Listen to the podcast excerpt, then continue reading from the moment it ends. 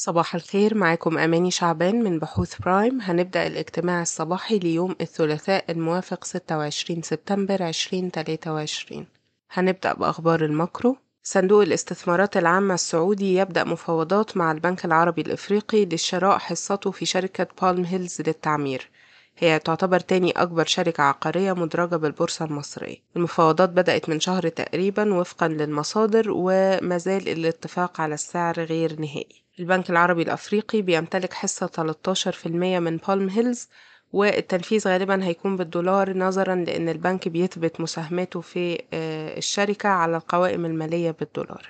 مصر تطرح مزايدة عالمية جديدة للتنقيب عن النفط في 23 منطقة جديدة. في بيان صادر عن وزارة البترول أعلنت عن أن نصف المناطق الجديدة برية والطرح بيتضمن عشر مناطق في الصحراء الغربية ومنطقتين بالصحراء الشرقية وسبع مناطق بخليج السويس وأربع مناطق بالبحر الأحمر.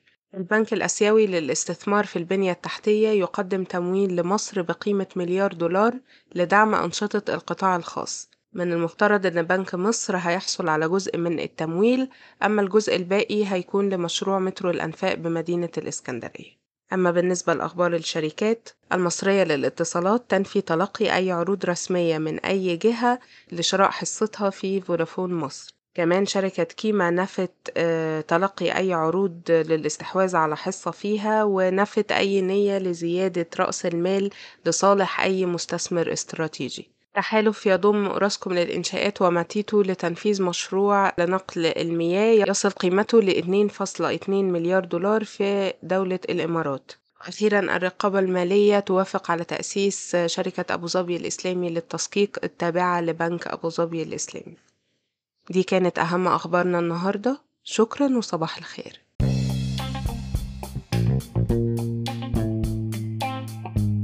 يرجى العلم أن هذا العرض هو لأغراض معرفية فقط، ولا يمكن اعتباره عرض أو توصية شراء أو بيع أو إدارة استثمارات أو خدمات استشارية. ينصح باستشارة مستشارك المالي قبل اتخاذ أي قرار استثماري، علماً بأن الأداء التاريخي ليس مؤشراً يعتمد عليه لتحديد الأداء في المستقبل.